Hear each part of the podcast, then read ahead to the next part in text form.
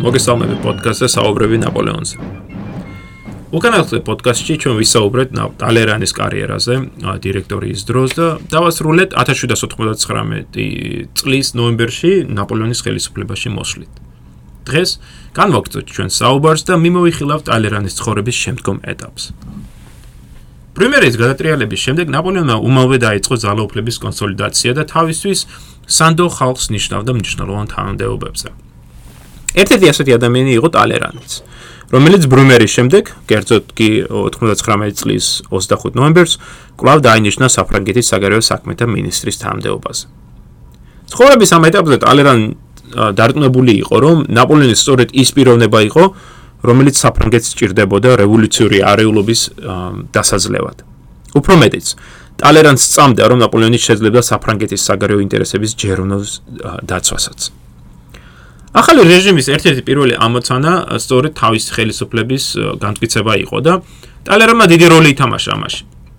ბრუმერის გადატრიალებიდან რამდენიმე დღეში, სანამ ახალ კონსტიტუციაზე მიმდინარეობდა მუშაობა, ტალერანი არაერთ პოლიტიკურ რჩევას აძლევდა ნაპოლეონს. აუცილებელია რომ თქვენ წერს ტალერანი ნაპოლეონთან გაგზავნილ ერთ-ერთ წერილში პირველი კონსულის თანამდებობა დაიკავოთ. ასევე მნიშვნელოვანია რომ პირველი კონსული აკონტროლებდეს პოლიტიკასთან დაკავშირებულ ყველა საკითხს. ანუ პრაქტიკაში ეს გულისხმობს პირველი კონსულის მიერ არა მხოლოდ შინაგან საქმეთა სამინისტროს და პოლიციის სამინისტროს გაკონტროლებას, არამედ ასევე ჩემი საგარეო საქმეთა უწყებაზე ზედამხედველობას და ასევე პოლიტიკური კურსის განხორციელებისათვის საცეცოცხლოდ მნიშვნელოვანი უწყებების, კერძოდ კი თავდაცვის სამინისტროს და საზღვაო ძალების უწყებების გაკონტროლებასო.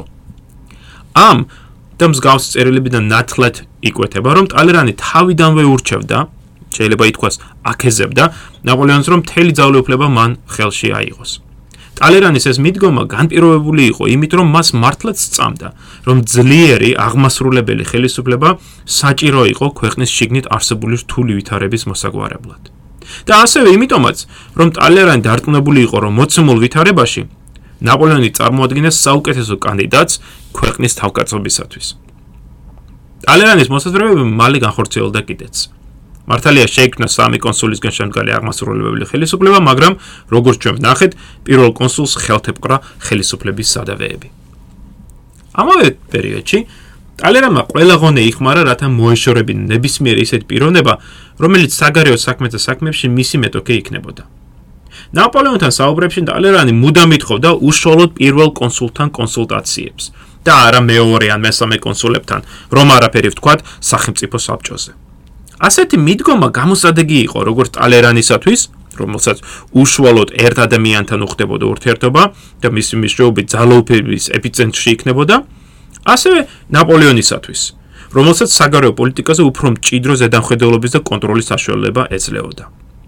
მართლაც, პირველი რამდენიმე წლის განმავლობაში ტალერანი და ნაპოლეონი ძალიან აქტიურად თანამშრომლობდნენ.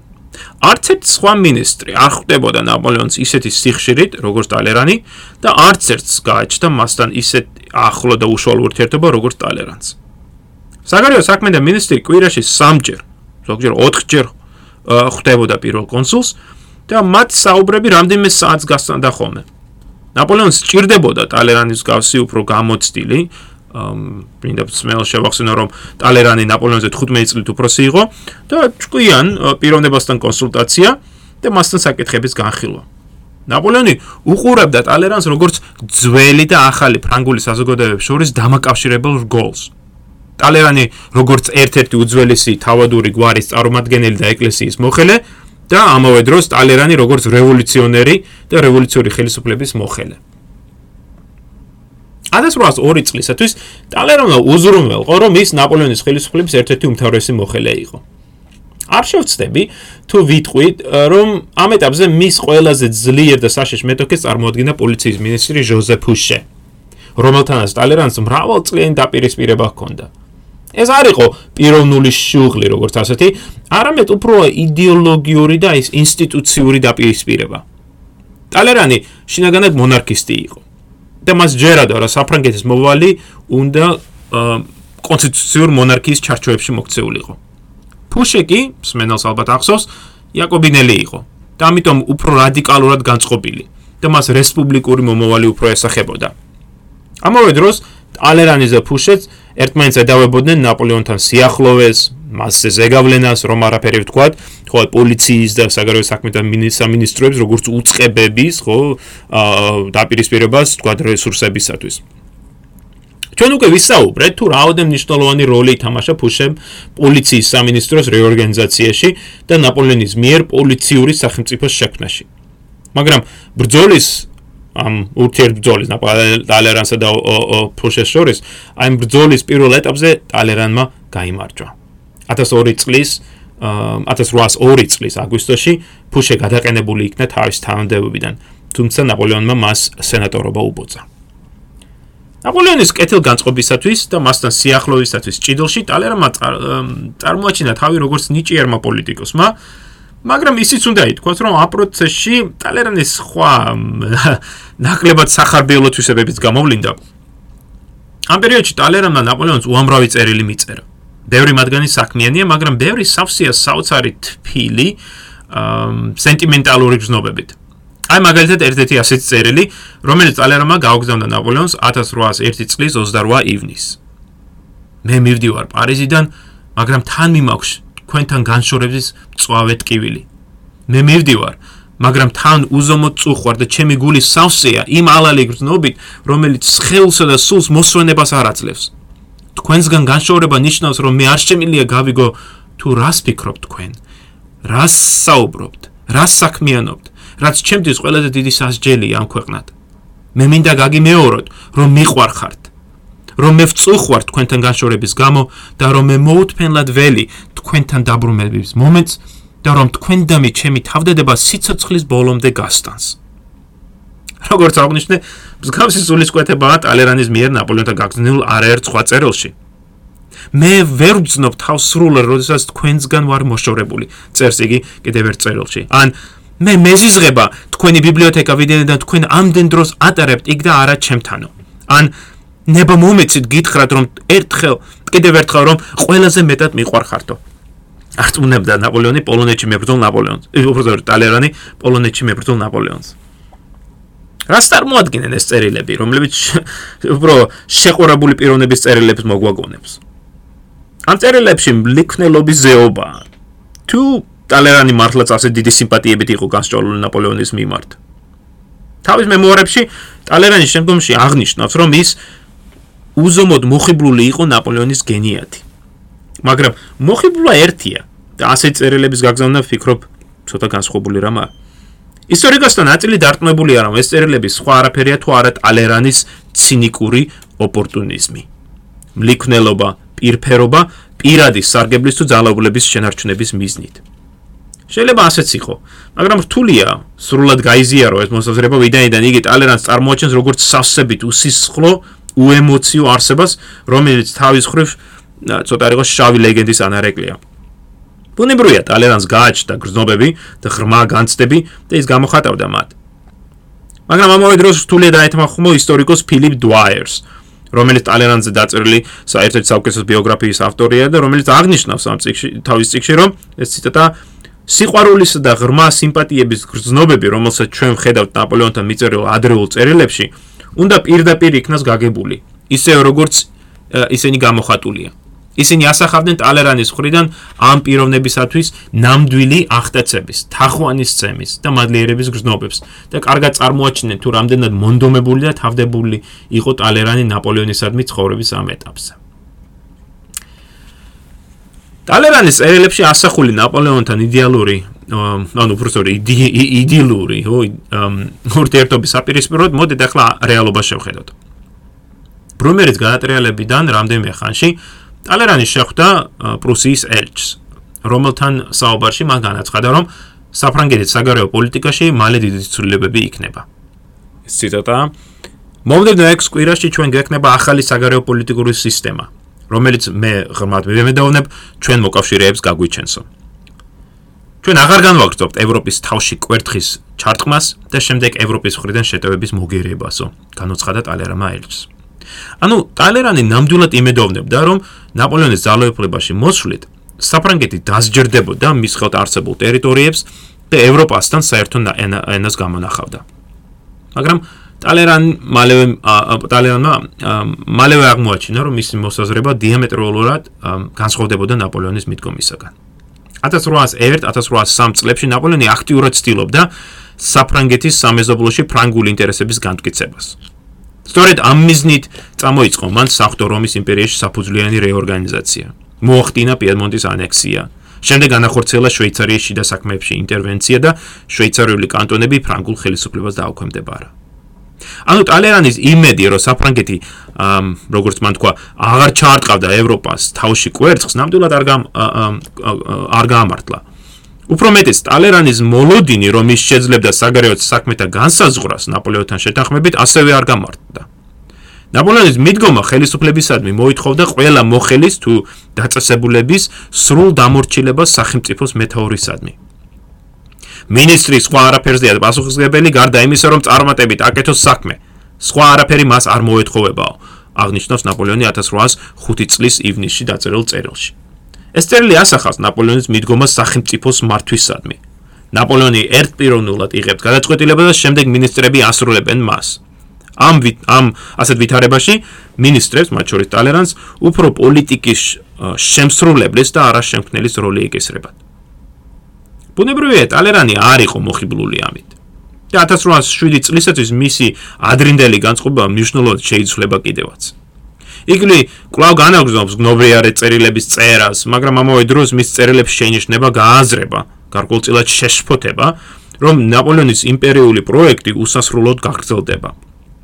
მსგავსი მოსაზრებები უკვე იკვეთება 1805 წლის მარტში, ანუ აუსტერლიცის კამპანიის დაწყებამდე 6 თვით ადრე. როდესაც სენატში წარმოთქმულ სენატში ტალერანის სიტყვას წარმოთქვამს.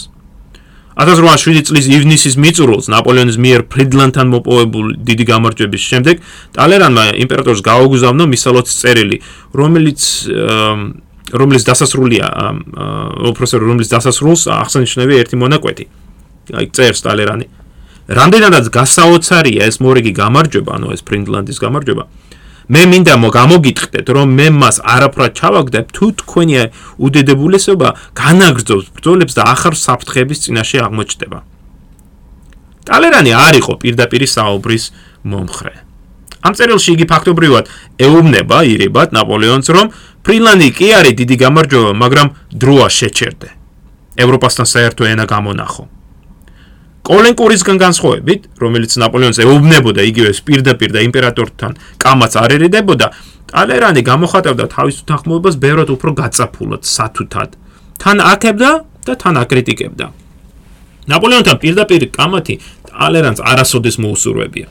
არამედ ის ცდილობდა ზომიერება შეეტანა ნაპოლეონის პოლიტიკაში და ხშირად ნაპოლეონის მიერ გაცემულ განკარგულებების შესრულებას აყოვნებდა. ერთ-ერთი რამ, რაც განასხვავებს მე შამპანისგან და შამპანი მინდა სვენალ შევხსენე, იყო ტალერანის შემცვლელი როგორც საგარეო საქმეთა მინისტრი და ეს ტალერანი ამბობს. ერთ-ერთი განსხვავება ჩემსა და შამპანის შორის არის ის, რომ თუ იმპერატორი უბრძანებს შამპანის მოკვეთოს ვინმეს თავი, შამპანი ამას ერთ საათში შეასრულებს. მე კი ერთ თვეს მოვანდომებ ამასო. ზოგადად ტალერანის საგარეო საქმეთა მინისტრობის ერთ-ერთი უმთავრესი მიზანი იყო ევროპაში შვიდობის საერთაშორისო სტაბილურობის უზრუნველყოფა. უკვე ბრუმერის შემდეგ ტალერანი ცდილობდა დაერწმუნებინა ნაპოლეონი, რომ საჭირო იყო დაზავება. და სწორედ მისი დაჟინებული რჩევის შედეგად ნაპოლეონმა გაგზავნა შვიდობის შეთავაზებები ბრიტანეთში და ავსტრიაში. თუმცა ლონდონმაც და ვენამაც უარი თქვა დაზავებაზე. შედეგად ნაპოლეონმა გაელაშქრა ავსტრიელთა წინააღმდეგ, დაამარცხა ისინი და აიძულა ხელი მოეწერებინათ ლუნევილის ზავისათვის, რომელმაც სნო საფრანგეთის მიერ რაინის პირეთის დაკავება და შვეიცარიაში, იტალიაში შექმნილი რესპუბლიკების საფრანგეთის ზეგავლენის ქვეშ ყოფნა. 1802 წელს ტალერანი კვლავ დაჟინებით ურჩევდა ნაპოლეონს დაზავებულიყო ბრიტანეთთან. უფრო მეტიც. ნაპოლეონისათვის უთქმელად ტალერანმა საიდუმლო აგენტიც კაზიმერ დე მოტრონდი გაგზავნა ლონდონში, რათა ბრიტანულ ხელისუფლებასთან დაზავების შესაძლებლობის განხილვა წამოეწყო.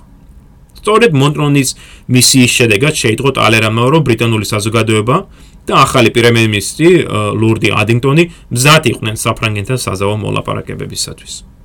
ეს ინფორმაცია ნაპოლეონმა შემდეგ მიაწოდა ნაპოლეონს და ამიანში საზავო მოლაპარაკებების დაწყებისგან უბიძგა. მაგრამ აქვე მინდა აღვნიშნო, რომ მოლაპარაკების დაწყების შემდეგ ტალერანსა და ნაპოლეონის შორის უთანხმოებამ იჩინა თავი. ტალერანს უფრო ზომიერი მოთხოვნები ჰქონდა და იგი მზად იყო ომის დროს დაკავებული ტერიტორიების ბრიტანეთის მიერ შენარჩუნების საკითხში მოქნილობა გამოეჩინა. ნაპოლეონი კი განსხვავებულად უყურებდა ამ საკითხს და მოითხოვდა ბრიტანეთის მიერ უკანასკნელი 9 წლის განმავლობაში დაკავებული ყველა ტერიტორიების დაბრუნებას და ამავე დროს ევროპაში საფრანგეთის მიერ დაკავებული მიწების ცნობას. ტალენანსა და ნაპოლეონის შორის უთანხმოება იმდენად გამწვავდა, რომ საბოლოოდ მოლაპარაკებების დასრულება და ხელშეკრულებაზე ხელმოწერა არა ტალერანს, არამედ ნაპოლეონის ძმას, ჟოზეფ ბონაპარტს დაევალა. ტალერანმა მიუხედავად იმისა, რომ საგარეო საქმეთა მინისტრი იყო, არც კი იცოდა ხელმოწერის შესახებ და ახალი ამბავი შეიტყო მხოლოდ მაშინ, როდესაც პარიზში გაისროლეს ქვემეხების ზავის დადების აღსანიშნავად. ამასთან ამინის ხელშეკრულება სწორედ ნაპოლეონის მოთხოვნებს ასახავს. ბრიტანეთი დათანხმდა დაებრუნებინა 93 წლის შემდეგ დაკავებული ყველა ფრანგული და ესპანური ტერიტორია და დაეტოვებინა მხოლოდ ცეილონი და ტრინიდადი. ამავე დროს ლონდონმა აღიარა ევროპაში საფრანგეთის მიერ დაკავებული ყველა ტერიტორიები. ეს იყო საფრანგეთის ერთ-ერთი უდიდესი პოლიტიკურ-დიპლომატიური გამარჯვება. და თავის მემუარებში ტალერანი აღნიშნავს კიდევაც, რამდენად ისტორიული იყო ეს მომენტი. ამიენის შედეგად ნაპოლეონმა შეძლო დასავლეთ და ცენტრალურ ევროპაში საფრანგეთის დიპლომატიური და სამხედრო ჰეგემონიის დამყარებაო. მაგრამ ამ მიღწევაში ტალერანის როლი მცირე იყო. მისი ნება რო ყოფილიყო ამ ხელშეკრულებაში სავსებით განსხვავებული პირობები იქნებოდა ასახული. ტალერანი შიშობდა, რომ ამიენის მსგავსი ზავი ევროპაში შექმნიდა არასტაბილურ ვითარებას. ვინაიდან ეს ზავი წარმოადგენდა დიდ მონოპოლს საფრანგეთისათვის და დანარჩენ ევროპულ სახელმწიფოებში საფრანგეთის ჰეგემონიის შიშ გამოიწვევდა. შიშ, რომელიც შესაძლებელი ახალ ომში გადაზრდილიყო. სწორედ ამიტომ 1802 წლის შემოდგომაზე ტალერანი ეწინააღმდეგებოდა საფრანგეთის მიერ პიემონტის ანექსიას. სწორედ ამიტომ ეწინააღმდეგებოდა ტალერანი შვეიცარიის კონფედერაციაში ნაპოლეონის ინტერვენციას. ამ ზომიერების და ფრთხილი მიდგომის გამო იყო, რომ ნაპოლეონმა ტალერანი თანდათანობით ჩამოაშორა დიპლომატიურ მოლაპარაკებებს როგორც ბრიტანეთთან, ასევე ავსტრიასთან, ამერიკასთან, ესპანეთთან. სმენელს ალბათ ახსოვს, რომ ლუნევილის და მონტეფორტენის ხელშეკრულებების მოლაპარაკებებს და ხელმოწერას ხელმძღვანელობდა არა ტალერანი, არამედ ნაპოლეონის ძმა ჟოზეფ ბონაპარტე. ტალერანსა და ნაპოლეონის შორის ერთ-ერთი უმთავრესი განსხვავება იმაშიც გამოიხატებოდა, რომ ტალერანს მიაჩნდა, რომ ომი იყო უკიდურესი საშუალება, რომელსაც სახელმწიფომ უნდა მიმართოს თავისი მისიის მისაღწევად. ნაპოლეონი კი აშკარად სხვა აზრის იყო და მას მიაჩნდა, რომ გამოვიყენოთ კлауზევიცის ცნობილი ფრაზა, რომ ომი არის პოლიტიკის გაგრძელება ოღონდ სხვა საშუალებებით. 1803 წლისათვის საქმეს ისე უჩანდა პირი, რომ ტალერანი, როგორც ეს მოხდა დირექტორი წლებში და ჩვენ ეს ნახეთ უკანასკნელ პოდკასტში, რომ ტალერანი როგორც დირექტორიის წლებში მხოლოდ ფორმალურად იკავებდა საგარეო საქმეთა მინისტრის თანამდებობას და ფაქტობრივად ადმინისტრაციულ საკითხებს კურირებდა მაშინ როდესაც საგარეო პოლიტიკას სხვები განსაზღვრავდნენ. 1804 წელმა დიდი როლი ითამაშა ნაპოლეონის და ტალერანის ცხოვრებაში. ამ ხრივ ორი მოვლენაა ყველაზე საყურადღებო. ენგეინის ჰერცოგის დახვრეტვა და იმპერიის გამოცხადება. იანვარში, ამ წლის იანვარში ჟოზეფ ფუშეს აგენტებმა დაადგინეს, რომ ქვეყანაში არსებობდა როიალისტური შეთქმულება, რომელიც ბრიტანეთიდან ფინანსდებოდა და რომელიც მიზნად ისახავდა ნაპოლეონის მოკლას. ჩვენ უკვე ვისაუბრეთ ამ შეთქმულების შესახებ და ნახეთ თუ როგორ იმსხვერპლა მან უდანაშაულო ადამიანი, ენგენის ჰერცოგი. ჰერცოგის სიკვდილით დასჯამ დიდი სკანდალი გამოიწვია იმდენ რამდენელ საფრანგეთში და ზოგადად ევროპაში ჩვენ დღემდე არ გაგვაჩნია დეტალური ინფორმაცია თუ ზუსტად რა როლი ითამაშა ტალერანმა ამ პროცესში 1814 წელს, როდესაც ნაპოლეონის ხელისუფლება ემხობოდა, ტალერანმა თავისი პირადი საბუთების დიდი ნაწილი დაწვა. მათ შორის ენგენთან დაკავშირებული წერილები და საბუთები. და შემდეგ უკვე თავს იმართლებდა რომ მან არ იცოდა ენგენის ჩანაფიქრის შესახებ. მაგრამ არსებულ მასალებზე დაკნობით შეიძლება რამდენიმე რამე ითქვას. ტალერანმა აქტიური მონაწილეობა მიიღო ენგენის საქმის განხილვაში. სწორედ ტალერანმა ახსენა პირველად ენგენის სახელი ნაპოლეონთან საუბარში 1 მარტს.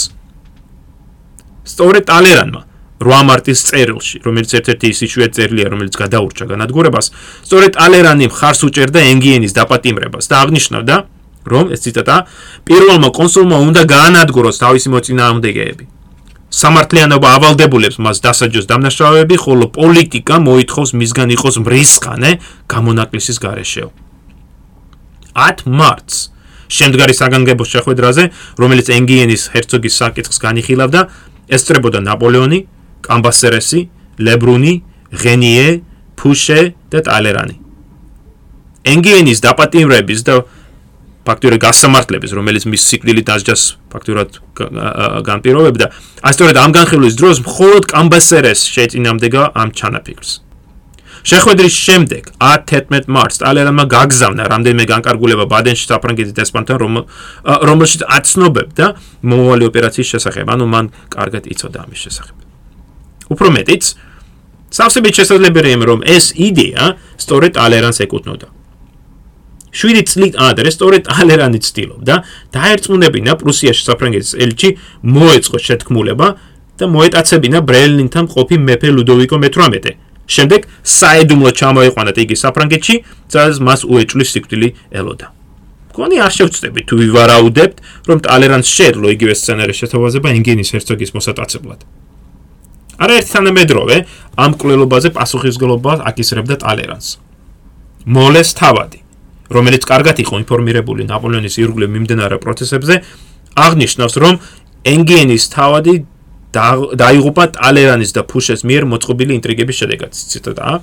ვინაიდან მათ არ სურდათ ბურბონთა მონარქიის აღდგენა და უნდოდა ჩაითრიათ ნაპოლეონი ისე დანაშაულში, რომელიც მას მათ თანამონაწილედ გახდინდა და რომლის შედეგადაც ნაპოლეონს ვეღარ ნაპოლეონი ვეღარ შეძლებდა მათთვის რევოლუციური წარსულის თაობაზე საყვედურსო. ვიტროლის ბარონი დარწმუნებული იყო, რომ ციტატა ტალერანს ედება ბრალად ენგენის herцоგის მოკვლა, ვინაიდან მან გაამართლა ეს ქმედება. ხალხი ამბობს, რომ სწორედ მას ეკუთვნის ამ დანაშაულის იდეა და რომ ეს რომც ასე არ იყოს, ის რომ ტალერანი იყო საგარეოთა საქმეთა მინისტრი და ავტორი იმ წერილებისა, რომლებიც ამ დანაშაულს ამართლებენ, საკმარისი მტკიცებულებაა იმისათვის, რომ ვთქვათ, რომ მან მონაწილეობა მიიღო ამ კვლელობაში. როდესაც გაზეთმა ლემონიტურმა გამოქვეყნა ჰერცოგის დახვრეტის ამბავი, ტალერანის თანაშემწემ დოტყევმა გაოგნებული კითხულობდა ახალ ამბებს. რას გამგარხარ მან გაშტერებულიო კითხა მას ტალერანმა. რას ამბობთ? უპასუხა შეშფოთებულმა თანაშემწემ. თქვენც იგივე დაგემართებადათ, რომ წაიკითხოთ გაზეთი. ეს საშინელება მომხდელაო. ტალერანმა მშვიდად მიუგო. კარგი რა. საერთოდ დაკარგე გონება? ამხელა აურზაურის ატეხვა ღირს კი ამად. რა მოხდა? ვიღაც შეთქმულების წევრი დააკავეს საზღვართან, ჩამოიყვანეს პარიში და დახვრიტეს. გასაკვირი ან საგანგებო რა არის ამაშიო? კარგი რა დოტრევ, ეს ხომ ჩაულებრივი ამბავია. როგორც ენგენის ჰერცოგის ამბავში, ტალერანის როლი პირველი იმპერიის შექმნაში ცოტა არ იყოს ბუნდოვანია, მაგრამ ხელთ გვაქვს საკმარისი მასალა, რომელიც მის მნიშვნელოვან როლზე მიუთითებს. ბრიუმერის შემდეგ ტალერანი აქტიურად ლობირებდა საფრანგეთში მონარქიული სისტემის აღდგენას. 1804 წლის გაზაფხულზე მან გადადგა ნაბიჯი საამისოდ. სწორედ ტალერანი იყო იმ სახალხო პეტიციის უკან, რომელიც ქალაქ ლიონში შეიქმნა მოთხოვნით პირველი კონსულს მისცემოდა ძალაუფლების მემკვიდრეობით გადაცემის უფლება. მაგრამ ღემუსა თავის მემუარებში აღნიშნავს, რომ ტალერანი არაერთხელ ურჩევდა ნაპოლეონს გადაედგა გვირგვინი, თუმცა ღემუსას თქმით, ტალერანის მეფის წოდების აღდგენა სურდა და ეს ეწინააღმდეგებოდა იმპერატორის წოდების შექმნას, რომელსაც შესაძლებელია დიდი პოლიტიკური მღელვარება მოჰყოლოდა ევროპაში. ტალერანის წერილებს შორის შემორჩენილი ერთი საინტერესო წერილი, რომელიც მან ნაპოლეონს გააგზავნა 1804 წლის ივლისში. და რომელიც ფიქრობ კარგად ასახავს თუ რატომ სურდა ტალერანს ნაპოლეონის გამეფება და არ სურდა ვთქვათ ბურბონთა მონარქიის აღდგენა.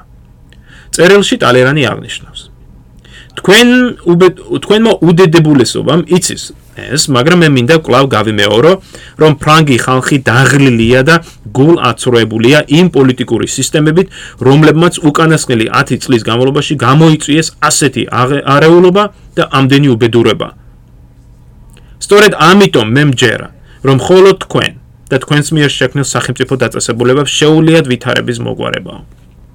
ტალერანი დარწმუნებული იყო მონარქიული სისტემის უპირატესობაში. მისი აზრით რესპუბლიკამ, რომ არაფერი ვთქვა 93-94 წლებში დემოკრატიული სისტემის ექსპერიმენტზე, საფრანგეთს პრობლემების გარდა არაფერი არ მოუტანა და რომ ამდენი სირთულის შემხედარე ფრანგის ხალხი მზად იყო კონსტიტუციური მონარქიისადმი. ამავე დროს ტალერანი დარწმუნებული იყო, რომ ბურბონები არ იყვნენ მზად წასულიყვნენ საჭირო კომპრომისზე. ხოლო მათი მხრიდან ძველი რეჟიმის აღდგენის მცდელობა მხოლოდ ხელახალ არეულობას გამოიწვევდა. თავის მემუარებში ტალერანი აღნიშნავს კიდევაც: ოლიგარქიიდან მემკვიდრეობით მონარქიაზე გადასვლა პირდაპირ ვერ მოხერხდებოდა. ვერც მემკვიდრეობითი მონარქიის აღდგენა მოხდებოდა ბურბონთა დინასტიის აღდგენასთან ერთად. ჯერ საჭირო იყო მონარქიული სისტემის აღდგენა. ბურბონთა დინასტიისზე დიდი დარდის გარეშე. საჭირო იყო მოძებნილი იყო დროებითი ხელმწიფე, რომელიც ჯერ უნდა გამოცხადებულიყო სახელმწიფო ხელმწიფე ცხოვრების ბოლომდე, ხოლო შემდეგ გადაქცეულიყო მემკვიდრეობით მონარქად.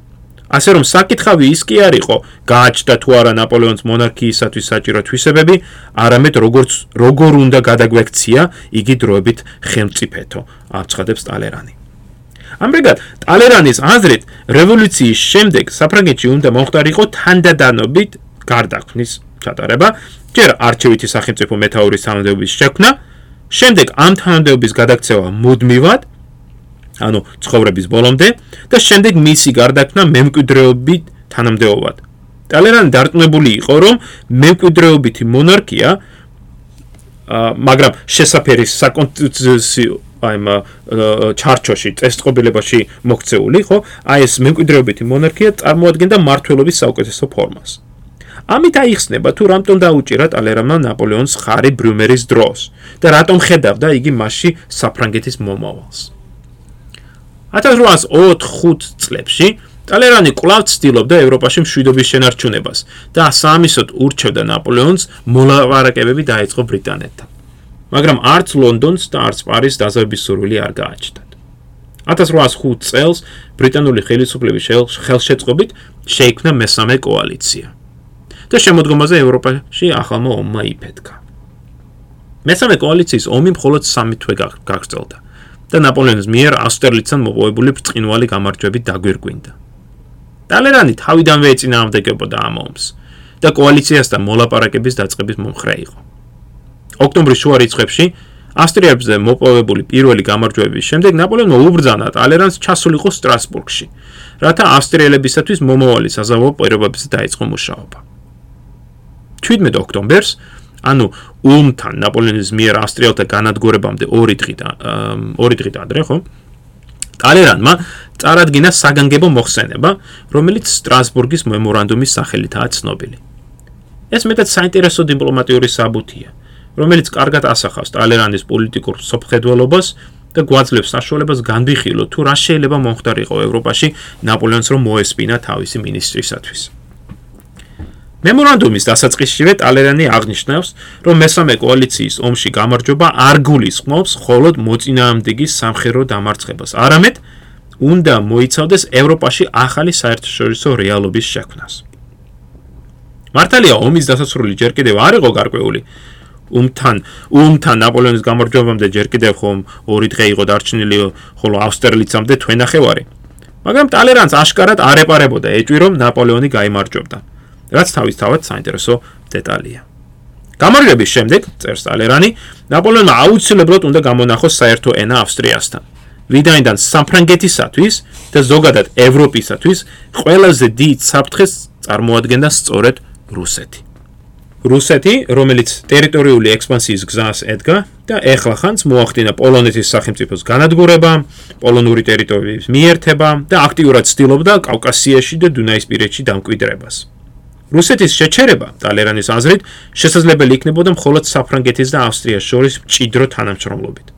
მაგრამ ამ თანამშრომლობის უზრუნველსაყოფად საჭირო იყო ამ ქვეყნებს შორის არსებული უთანხმოებების მოგვარება. ტალერანს ნაკლებად ადარდებდა საფრანგეთის რევოლუციის მიერ შექმნილი იდეოლოგიური საფრთხე. მისი აზრით, ნაპოლეონის ხელისუფლებაში მოსვლით ეს საფრთხე ფაქტობრივად განეტრალებული იყო.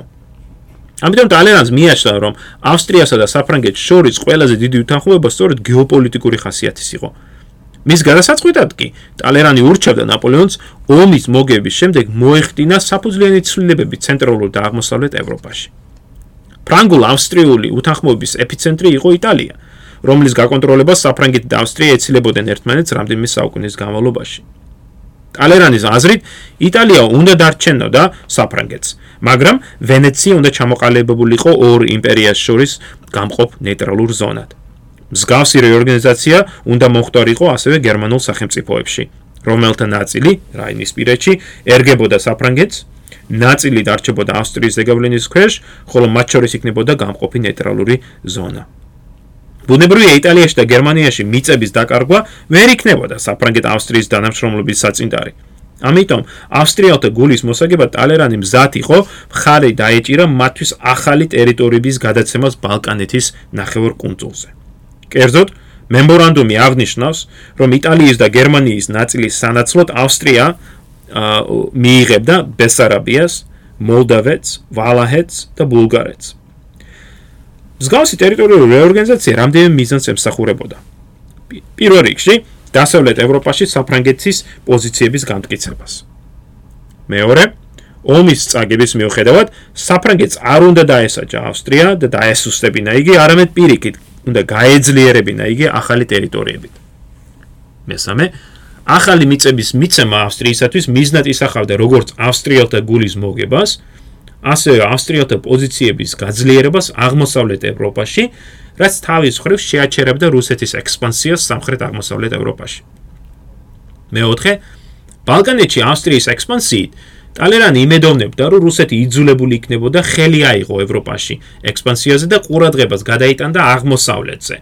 რაც თავის მხრივ შეუქმნიდა საფრთხეს ბრიტანულ ინტერესებს აზიაში და შესაძლებელია გამოიწვევდა რუსეთ-ბრიტანულ ომს, რაც ბუნებრივია იჯდებოდა საფრანგეთის ინტერესებში. თუ რუსეთი გაბედავდა ავსტრიასთან ომს, საფრანგეთი მზად უნდა ყოფილიყო დახმარებოდა ავსტრიელებს და ერთობლივი ძალებით შეეჩერებინათ რუსეთი. ასეთი იყო ტალერანის სტრასბურგის მემორანდუმი, რომელიც ავსია ბევრი საინტერესო დეტალით. ზოგადად ჩვენ ხედავთ ტალერანის მისწრაფებას მოეხდინა საფრანგეთის ინტერესების კონსოლიდაცია დასავლეთ ევროპაში და შეექმნა ევროპის უსაფრთხოების ახალი სისტემა, რომელიც დაიმყარებოდა ორი ან სამი დიდი ქვეყნის თანამშრომლობას. ტალერანს არ სურდა საფრანგეთის ტერიტორიული ან იმპერიული ექსპანსია დასავლეთ ევროპის გარეთ. ვინედან მას კარგად ესმოდა თუ რაოდენ რთული იქნებოდა ეს პროცესი და რამდენ რესურს, ადამიანურ თუ ბუნებრივ რესურს მოითხოვდა ყოველივე ეს.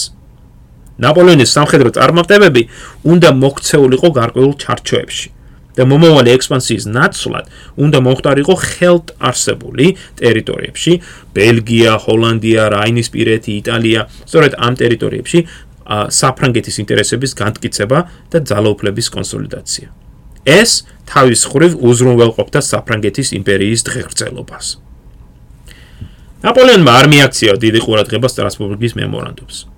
ერთის ხრივ იგი ომის ქარცეცხლში იყო გახვეული და ნაკლებად ეცალა მომავალი დიპლომატიისათვის, ხოლო აუსტერლიცთან მოპოვებული ბრწყინვალე გამარჯვების შემდეგ მას ნამდვილად არ სურდა მოესმინა ტალერანისათვის, რომ ავსტრიის დასჯის და დაკნების ნაცვლად მან ხელი უნდა შეუწყოს მის გაძლიერებას აღმოსავლეთში. ამრიგად 1805 წლის დეკემბრის მიწურულს ხელმოწერილ ავსტრიულ-ფრანგულ დაზავებას, ხო, პრესბურგის ხელშეკრულებას ამ ამ ხელშეკრულებით ავსტრიამ კაცრად დაისაჯა. სამხედრო კონტრიბუციის გადახდის გარდა ავსტრიამ დაკარგა ვენეცია, ტიროლი, ვირელბერგი და იძულებული იყო გასულიყო გერმანიიდან, ეცნო იქ საფრანგეთის ზეგავლენა და საბოლოო ჯამში ხო საღვთო რომის იმპერიაც დაემხობა ამის შედეგად. თრიანობაში ავსტრიამ დაკარგა 2 მილიონ ნახევარზე მეტი ქვეშორდომი და თავისი წლიური შემოსავლის მოზრდილი ნაწილი. ყოველივე ეს ტალერანს მიაჩნდა შეცდომად. მომდევნო წელიწად ნახევრის განმავლობაში იგი ცდილობდა და ერწმუნებინა ნაპოლეონი, რომ ავსტრიასთან ალიანსი იქნებოდა საფრანგეთის იმპერიის გრძელობის საუკეთესო საწინდარი. 1807 წლის მარტში, მაგალითად, ტალერანი ურჩევდა ნაპოლეონს გადაეხედა ავსტრიასთან მოწერილ ხელშეკრულებებს, წასულიყო დათმობებზე, გაიყვანა ჯარები გერმანიიდან და შეექმნა ავსტრიულ-ფრანგული ალიანსი. მართლაც საინტერესოა დაფიქრდე ამაზე.